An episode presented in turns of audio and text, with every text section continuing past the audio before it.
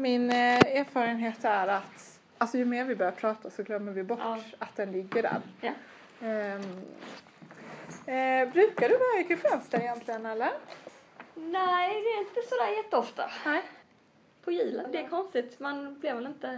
Nej men jag tänkte mest om du var alltså Kristianstadskär eller hemmakär så du åkte Nej. hem eller? Nej, det brukar jag inte göra. Nej. Trivs i Stockholm? Ja, hade jag haft någonstans att bo, som i min, min lägenhet, så hade jag trivts ganska bra. Ja. Men jag bor eh, i Bredäng och där är det, det är väldigt fint. Jag vill ju bo i Bredäng, men eh, Ja. nu har jag haft tur och kan bo där ett tag. Men det är i andra hand, så får se sen hur länge jag blir kvar och sådär. Jag tycker det finns något sjukt i det. Jag har tänkt på det på sistone rätt mycket. Det har väl bara varit sådär att folk har kommit och pratat om det. Men just det här att alltså det finns ingenstans att kunna göra någonting och bo kvar på ställen och så tvingas man inte stanna och så finns det inga bostäder. Liksom. Utan det är Nej, det är så... verkligen, eh, det finns ingen, ingen planering överhuvudtaget i det här samhället. Det är Nej. bara som, och en marknad som inte klarar av att lösa problemen Ja. Mm. Nej men jag, det, det känns så, så sorgligt på något sätt. Jag tänkte faktiskt fråga dig, jag är lite nyfiken. Är du eh, intresserad av mode och stil? Nej, Nej. knappt alls. Nej, okej. Jag har en syster som är mönster, eller så hon är väl utbildad eh, härskräddare. Hon är lite mer Ah, okej, hon är med. hon, Mm. hon hjälper mig ibland. Jag själv är jag Mhm. skulle vilja göra en grej då och bara ha samma kläder på mig varje dag. Nej, men du är alltid väldigt fin. Tycker du? Ja, det tycker jag. Och sen har du sån här, alltså så jag blev så impad, du har sån här signaturfrisyr. Som liksom är sådär Jenny. Ja, ja.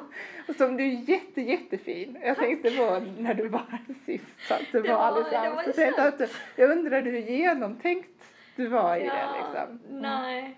Men sen så när man blir nervös inför saker så är det mycket enklare att tänka på vad man ska på sig. Aha, ah, och planera för det Mm. än att behöva repa texter eller liksom. Ja, just det. Så det blir lite fokus på det ändå på grund av att jag blir nervös Mm. Okej. det.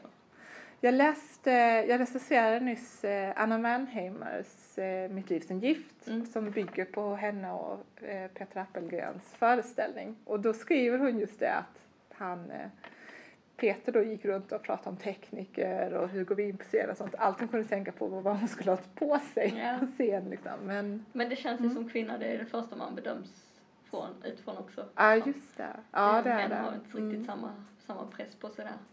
Vad kommer först? Klass eller feminism? Vilken eh, världs... Eller kan man skilja på Nej, dem? för mig går inte det att skilja Nej. åt. Det hör ihop. Mm. Om Jag tror inte man kan... Vill man ha ett klasslöst samhälle så betyder om man kämpar för ett klasslöst Mm. samhälle så betyder inte det att alla problem löses med det klasslösa Nej. samhället utan det behövs en feministisk kamp också till Mm. exempel. Mm. Eh, och tvärtom. Mm. Alla problem löses inte genom att vi får eh, en jämlik eh, och jämställd värld utan Mm. det, liksom, det finns fler saker som påverkar och då behövs fler, Mm. flera synsätt på det. Sen kan jag ju tycka att som kvinna så förväntas jag vara mer intresserad av feminism och Mm. att folk vill att jag ska prata feminism Mm. hellre än att jag ska snacka klass. Okej. Eh, Mm. och där är ju, jag pratar ju mer, jag är mer insatt i, i klassfrågor, Mm. tror jag i alla fall. Mm. Eh, men att folk tror att jag kan mer om feminism för att jag är Mm. kvinna och det, Mm. man förväntas vara mer intresserad av det som Mm. kvinna. Jag tänker att just restaurangbranschen, i alla fall så är det min fördom att den är ganska, alltså det är rätt mycket 50-50 i det. Men att man är på olika positioner. Ja, det är väldigt uppdelat. Eh, och det finns ju väldigt mycket sexuella trakasserier i branschen, så det finns väldigt stora problem Mm. eh, på vissa arbetsplatser, Mm. eller på de flesta arbetsplatser, men det är som på, som jag, på alla arbetsplatser i det här samhället. Mm. Mm. Men tänker du verkligen på dig själv som arbetarförfattare? Vaknar du på morgonen och tänker jag är en arbetarförfattare? Eller? Ja, nej, men så jag vaknar inte och tänker att jag är författare alls. Det är så svårt. Ja, det är alltså, det är så, så abstrakt yrke. När jag var kallskänka så vet jag ju, nu går jag till mitt kallskänksjobb, Ja, då är jag kallskänka. Men Mm. författarbanan är lite mer abstrakt. Mm. Mm. Eh, Men jag är verkligen stolt över att bli betecknad Mm. arbetarförfattare. Jag vill gärna kalla mig det själv också, så det är Mm. en stolt tradition. Eh, Och att vilja någonting med sitt skrivande, att, att vara del av den traditionen som skriver för att förändra, det ser jag mig som en del av. Eh, också jag tänker att eftersom författar och poetrollen är ganska ensam så finns det ju ett, en, finns en förening som heter Föreningen Arbetarskrivare där vi liksom hjälper varandra också att nå Mm. ut och antologi och sådär och där i den gemenskapen och det kollektivet vill jag gärna vara med också. Jag läste lite, inte till förra gången vi träffades, men till denna gången så läste jag runt lite mer om, om det just där, just vad som har skrivits mer från kritikerhåll. Mm. Och då eh, kom just det här att, eh, att lyriken eller poesin inte har varit så, så framträdande i eh, arbetarlitteraturen utan det är liksom romaner. Det är liksom prosan som har varit den mest. Och att när Ja. du kom där med kallskänken så var det någon, alltså det var ganska många romaner, det var ändå några, Ja. och ganska många kvinnor Ja. som, som skrev och så kom du ut. Och ändå blev det, Ja men det tror Eller? jag fanns ett, ett tomrum att fylla där också. Så en del tycker att det, det är fint med brukspoesi men Mm. för mig har det varit det finaste i den här tiden med kallskänken som jag skrev då 2010 är, att dikterna har använts. Mm. Att de har kunnat brukats i, Mm. på möten och demonstrationer Mm. och utbildningar och liksom. Och där, där tror jag de hade en roll att fylla. Så tyvärr så arbetar fackföreningsrörelsen inte så mycket med att läsa böcker och sådär. Eh, Där finns mycket kvar att göra. Ja, men jag tror att det, att det korta formatet som poesin erbjuder, eh, att man kan läsa dikten som en inledning till något Mm. annat eller på en demonstration eller en utbildningsgrej sådär, eh, blev ett enkelt sätt att använda poesin. Eh, mer än att ge folk en, på en utbildning en uppdrag att Mm. läsa en hel bok till exempel. mm, Så. mm. Ja, nu har jag ju läst om för jag vet inte vilken gång i ordningen Sotfragment, en diktsamling av Stig Sjödin som kom på 50-talet, början av 50-talet, slutet av 40-talet kanske till och med. Jag tror den är skriven 49 eller Ja. något sånt där. Mm. Mm. Jag eh, kan tyvärr känna igen mig. eh, Den här är nog en av ja, min favoritdiktsamling med honom då. Påverkat mitt skrivande väldigt mycket och jag kan tyvärr känna igen mig i speciellt den här känslan av underordning som han beskriver väldigt Mm. Maktlöshet. Mm. Eh, Och det är fortfarande väldigt aktuellt på dagens arbetsmarknad. Det, vi har inte, även om den här skrevs för 66 år sedan så Mm. brottas vi liksom med samma problem fortfarande. Mm. Och det är väldigt sorgligt men det finns ju fortfarande folk som kämpar för att det ska förändras också så det är Mm. hoppfullt eh, Mm. samtidigt att man Det finns ett släktskap till dina dikter tycker jag i och med att det finns en beskrivning eh, där också liksom miljön dras in och, blir nästan en karaktär i, i dikten. Mm. Ja, ja men det, det här, den här utspelar sig på ett eh, järnverk och det är ju verkligen en helt annan bransch Mm. från restaurangbranschen där jag har, har hittat mina, eh, min inspiration. Eh, men det fysiskt ansträngande arbetet och just maktlösheten och underordningen det, det finns fortfarande kvar och där finns det ju många, alltså den hettan som de jobbar i och som man Mm. jobbar i ett kök. Mm. Eh, det, det finns ju paralleller också som bullriga arbetsplatser där det, Mm. ja. Och också det här nästan eh, lite njutningsfulla i en arbetsplats som verkligen funkar. Alltså Mm. när, eh, att alla vet att när jag tar två steg åt vänster så händer detta och Ja. man kan direkt liksom Ja, de- men det där mm. att jobba som en, som i en enda kropp eller liksom Mm. att, eh, att känna att man har varandras rygg och man kan, man, vi kommer fixa det även om jättedålig arbetsmiljö så ibland Mm. så klaffar det. Mm. Eh, ibland kan man klara av jobbet och känna en sorts stolthet. Det beskrivs tycker jag väldigt mycket i Kallskänken, den gemenskapen som, som blev på en arbetsplats. Särskilt där man kan förstå att arbeta med händerna och gör väldigt mycket upprepande Ja. moment. Och jag tänkte på det när jag läste denna sotfragment, eller tänkte på det att det finns ju faktiskt det här inslaget i arbetarlitteraturen också, där man faktiskt beskriver det sköna i arbetet. Ja, ja, liksom. men det är det som jag, det är det som jag tycker att, så som jag organiserat det här samhället med ett eh, kapitalistiskt system där man hela tiden, man förstår inte, alltså man är ju också i Mm. kök numera om man jobbar i stora kök i alla fall. Man är bara en kugge i det här hjulet, man ska massproducera massa Mm. saker som ska skickas någon annanstans och ibland har man inte ens råd att äta den här maten själv. Nej. Så man, man liksom frånkopplas från det arbetet som man gör som egentligen skulle kunna vara väldigt lustfyllt. Mm. Eh, Men på grund av dålig arbetsmiljö, för högt tempo och att man inte själv får ta del av frukterna av arbetet så kan man inte njuta av det på det sättet som... Ja. Men sen i vissa dagar så kan man ändå liksom se att, och det är då man kan ana att man faktiskt skulle kunna organisera på ett annat sätt också. Vi, vi skulle inte behöva gå till jobben, våra jobb och känna eh, att vi bara vill gå hem igen. Alltså att det bara är något sorts tvång. Utan jag tror, och det är det eh, som jag också vill visa med det jag skriver och det är det jag tycker att Stig Sjödin gör väldigt bra också. Man anar något annat bakom det här hårda slitet. Ja, för det är inte en kritik mot själva arbetandet utan det är en kritik mot arbetsmarknaden Ja, och klassystemet som, som skapas i det. precis. Jag tror att det kan finnas en viss miss, alltså en misstänksamhet eller ett missförstånd där. Att det, det handlar inte om att man vill ligga hemma på soffan och... Nej, men sen så kan man ju förstå att i det samhället vi lever i där man inte får del av arbetet som man själv utför att man hatar sitt jobb. Alltså det är helt, helt naturligt tycker jag. Det finns väldigt många arbeten som är helt onödiga i vårt samhälle också. Men Och, det, och det är oftast de onödiga arbetena som är väldigt bra betalda och man sliter inte ut sin kropp. Alltså det finns ingen logik i det här. Nej. Eh, så, och det, det fram, framkommer väldigt tydligt i, och, i den här diktsamlingen. Och jag tycker, jag har läst den så många gånger och den har påverkat eh, så mycket mitt eget skrivande att vi faktiskt, jag skrev om en av dikterna i Kallskänken eh, för att den skulle vara en blinkning till en av dikterna i den här diktsamlingen. Det skulle vara som en passning till... En passning till... eh, Mm. Hur länge... Hur eh, trillade du över den här boken, Stig Sjödin? Jag minns inte hur det gick till. Men det är ju en del av, av kanon inom arbetarlitteraturen definitivt. Eh, också Johan Jönsson har ju inspirerats av porträtten i, i den här boken, och, precis som jag. Eh, men jag vet inte riktigt hur det gick till när jag fick den i Men när du började, sökte du förebilder när du började skriva Kallskänkan? Nja, såg väl till att försöka läsa mer än vad jag har gjort dit, dittills liksom. Och då letade man inspiration i gammal arbetarlitteratur och också i, böcker om att jobba i kök och jag intervjuade mina arbetskamrater om vad de hade tyckt var bäst och sämst under de där åren på främst då kaféet i Göteborg som Kallskänkan handlar om. Så det var mycket olika inspirationskällor, inte bara poeter. Men du hade någon form av eh, klarhet i att du ville ändå skriva med budskap och att det skulle vara... Ja, det har jag alltid gjort. Det var inte något som jag kom på till kallskänken sådär.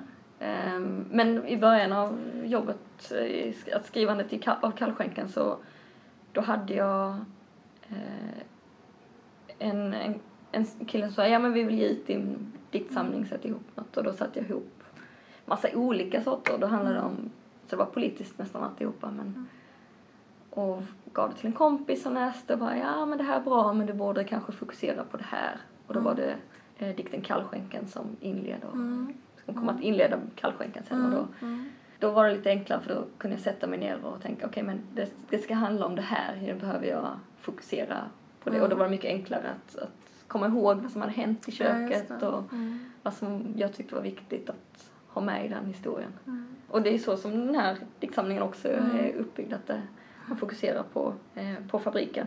Mycket, hans senare diktsamling är inte alls så tematiserade som denna är heller. Så det, och inte min heller kanske, den kom efter. Nej, nej, även om nog väldigt många vill läsa in så jag tänker nog inte så när jag läste den att det, det är mera eh, men det, så är det väl alltid. Alltså om, en- om man ger ut en platta som är på ett visst sätt så, så blir det Ja men det är liksom- lite trist, man förväntas vara bara en enda sak och skriva om en. Man ska ha sin specialitet liksom. Och Har jag börjat skriva om arbete ska jag alltid skriva om arbete. Och inte om mode. Nej, det, men det kommer jag nog aldrig. Det, det, jag ska inte säga för mycket men jag Nej, tror att det kommer vi nog. Det vill jag helst själv slippa läsa i alla fall. Så. Men eh, ja, det, det fanns inget behov då liksom av något. För jag, jag kan faktiskt tänka mig att att det finns, fast det här är min, det här är min fantasi. Alltså jag gillar att ha fantasier om författare. Och då är min fantasi att han, eh, att det ändå finns, för han, han, han är så här klassisk eh, arbetare som egentligen inte finns, finns kvar. Alltså en sån som börjar på bruket tidigt, jobbar där och sen så utbildar han sig på ABF eller någonting i den stilen.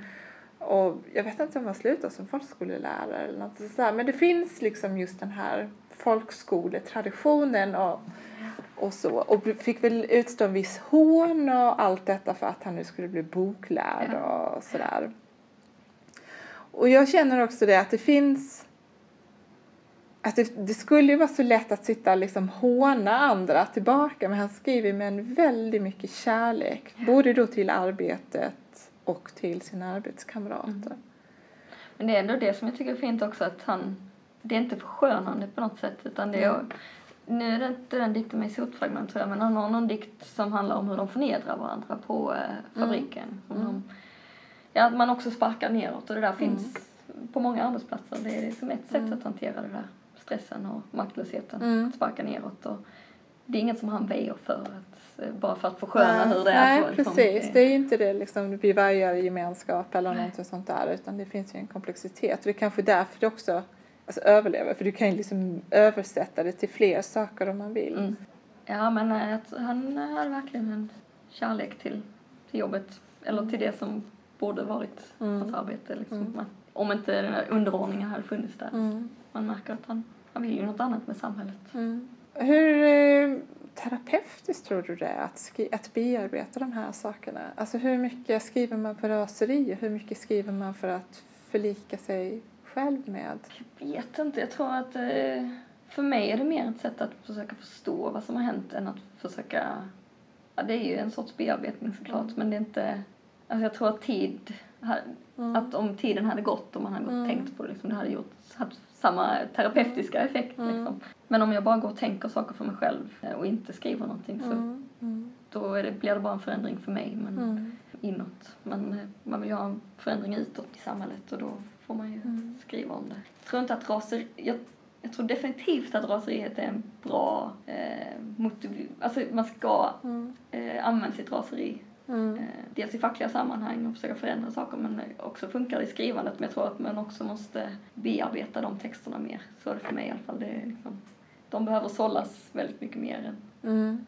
saker som man sitter och funderar mer på. Hur ser en skrivprocess Alltså det har förändrats mycket nu sen skrivandet blev någon sorts jobb för mig.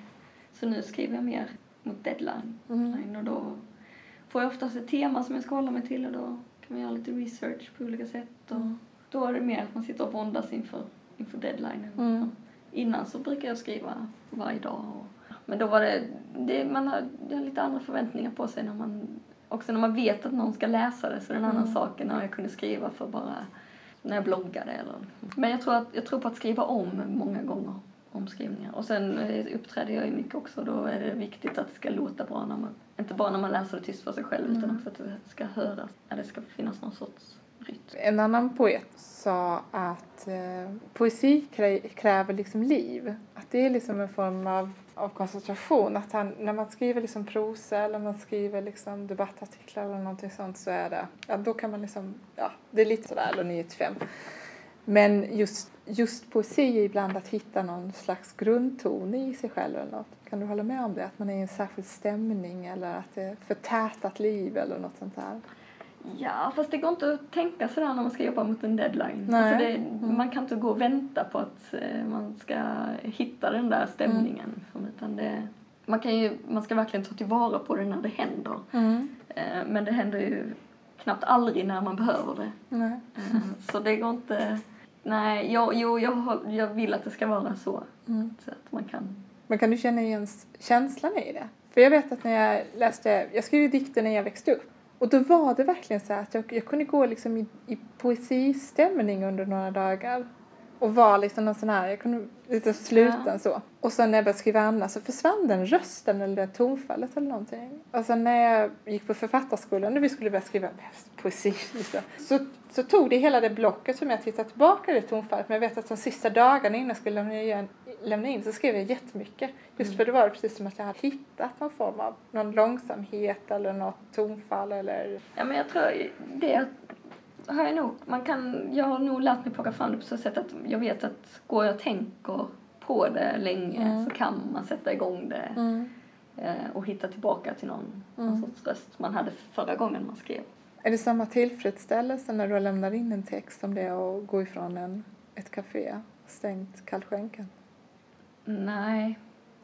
Alltså, när jag, som kallskänk, jag vet att jag eh, kan jobba som kallskänk, jag vet mm. att jag kan det jobbet. Och när jag går hem därifrån så är jag färdig med det. Mm. När jag lämnar in en text så är det nej, då kommer självtvivlet. Så, nej, det kanske inte var bra. Jag Ah, borde kanske okej. skrivit sådär istället. Eller varför gjorde jag så? Och visst, att det är inte alltid man lämnar jobbet när man går från jobbet som kallskänka heller. Utan man är ju stressad inför nästa dag liksom. Mm. Men, men det är inte riktigt samma. Det är två olika sorters stress. Så Mm. båda kan vara jobbiga. Men Skulle du kunna välja, för det tycker jag egentligen är en av dina, alltså som person, som gör dig jättespännande. Om man tar upp din Wikipedia-sida så står det liksom Jenny Wrangborg, så står det poet, kallskänk och så liksom att du faktiskt står att du är både och. Och det tänker jag, det är en sån här typisk arbetarklass i tradition med arbetarklasslitteraturen, för de var Mm. väldigt noga med att liksom säga att nej, vi är inte bara, nu är vi inte bildade, utan nu är, jag är också, alltså jag Ja. det, liksom, jag är, jobbar vid bruket eller sådär. Och jag tänker att det står, jag undrar om det är en tidsskillnad. För att numera, du skriver om det i, din bok och det finns många andra böcker, just det här att det här är bara tillfällighetsarbete. Jag ska bara jobba här till eh, jag debuterar eller till min skiva är sådär ute. Alltså, jag ser det mer som att nu är jag tillfälligt författare. Alltså, det, Ja. det är tvärtom. Utan det är klart att jag alltid skrivit men jag, har, jag skulle har fortfarande lite problem med det här att jag, att jag ska kalla mig poet eller Mm, författare mm. för det, det känns tillfälligt. Liksom. Mm. Eh, Men jag vet eh, hur det funkar i ett kök. Fast kan det inte finnas något sånt där jäkla, för jag tycker det finns i din dikt, något sånt här jäkla namn. Men kom inte här och säg att det är liksom finare att Ja, vilja göra sju Och det- försök ja. att komma in på, på DI eller någonting sånt där. Ja men det där provocerar mig jättemycket och det är väl därför jag Ja. håller kvar vid, jag vill ju fortsätta jobba i kök också Mm. men alltså när jag presenterar, när folk, jag träffar folk på, ja och Mm. de bara, ja, vad jobbar du med? Och säger att jag kallskänker folk är helt ointresserade Ja, av mina erfarenheter när jag Mm. säger det och så om jag säger att jag är poet och bara, åh gud vad Mm. spännande och så spännande är det att vara poet egentligen. Jag vet, det är inte så spännande. Nej, det, Det- jag kan har också ju känna. vi- viktiga erfarenheter från köket Ja. Mm. eh, som folk borde, borde vara intresserade av. Ja, Så det, på det sättet Mm. tycker jag det är väldigt, ja det, ja, för det blir så snäv. eh, Jag, jag blir också jätteprovocerad för det blir så jäkla snävt liksom sådär. Man bara, det är inte intressant att höra om de sju gångerna du sökte in på Dramatens eh, skola kom inte in liksom. Alltså, utan det är ju, det är verkligen som att vissa erfarenheter då inte räknas. Nej. Men sen kan jag också hålla, för jag har ju också sån här eh, brödfödejobb och ibland tycker jag det är hemskt när jag säger det, jag har ett brödfödejobb, så ibland säger jag det också först. Liksom sådär att, för att jag tycker ändå att nej, men det, är, det här är också ett jobb jag gör. ja. Men, så att jag tycker att det är, väldigt bra. Men ja, det, det finns det något sånt där, någonting emot det. Du får se till att ingen ändrar det på din Wikipedia. Ja, Mm. okej, ja. Fast det, alltså det där med Wikipedia är lite, lite klurigt också för nu, det står att jag har satt upp en föreställning i Uppsala. Liksom. Det var, Det var det, och det får alla ta med det i som beskrivningar av när jag kommer till deras ort och ska läsa. Så. Men det är inte riktigt sant heller. Så det är, Då är det först var fel. Nej, jag ska bara... ja. Tror folk att jag kan hålla på med teater och så? Nej. Det där kan ju bli en sån där stressande grej för det är ingen som liksom bryr sig om det egentligen. Nej, men nej, du men bryr dig ja, jättemycket sådär. Jag måste bara rätta till, Exakt. något är fel, jag är en duktig flicka. Nej men eh, Ja. hur mycket finns det av en duktig flicka i dig? väldigt mycket duktig flicka i mig tror jag. Ja, definitivt. Jag vet inte, jag har nog lyckats bekämpa henne lite. Fast det, ja, jag vet inte. Jag tror inte, hade jag varit man hade jag nog inte fortfarande efter 350 läsningar varit så nervös inför grejer. Alltså jag vill så Ja. gärna att jag tycka att det jag gör bra även om, om ah, jag vet inte.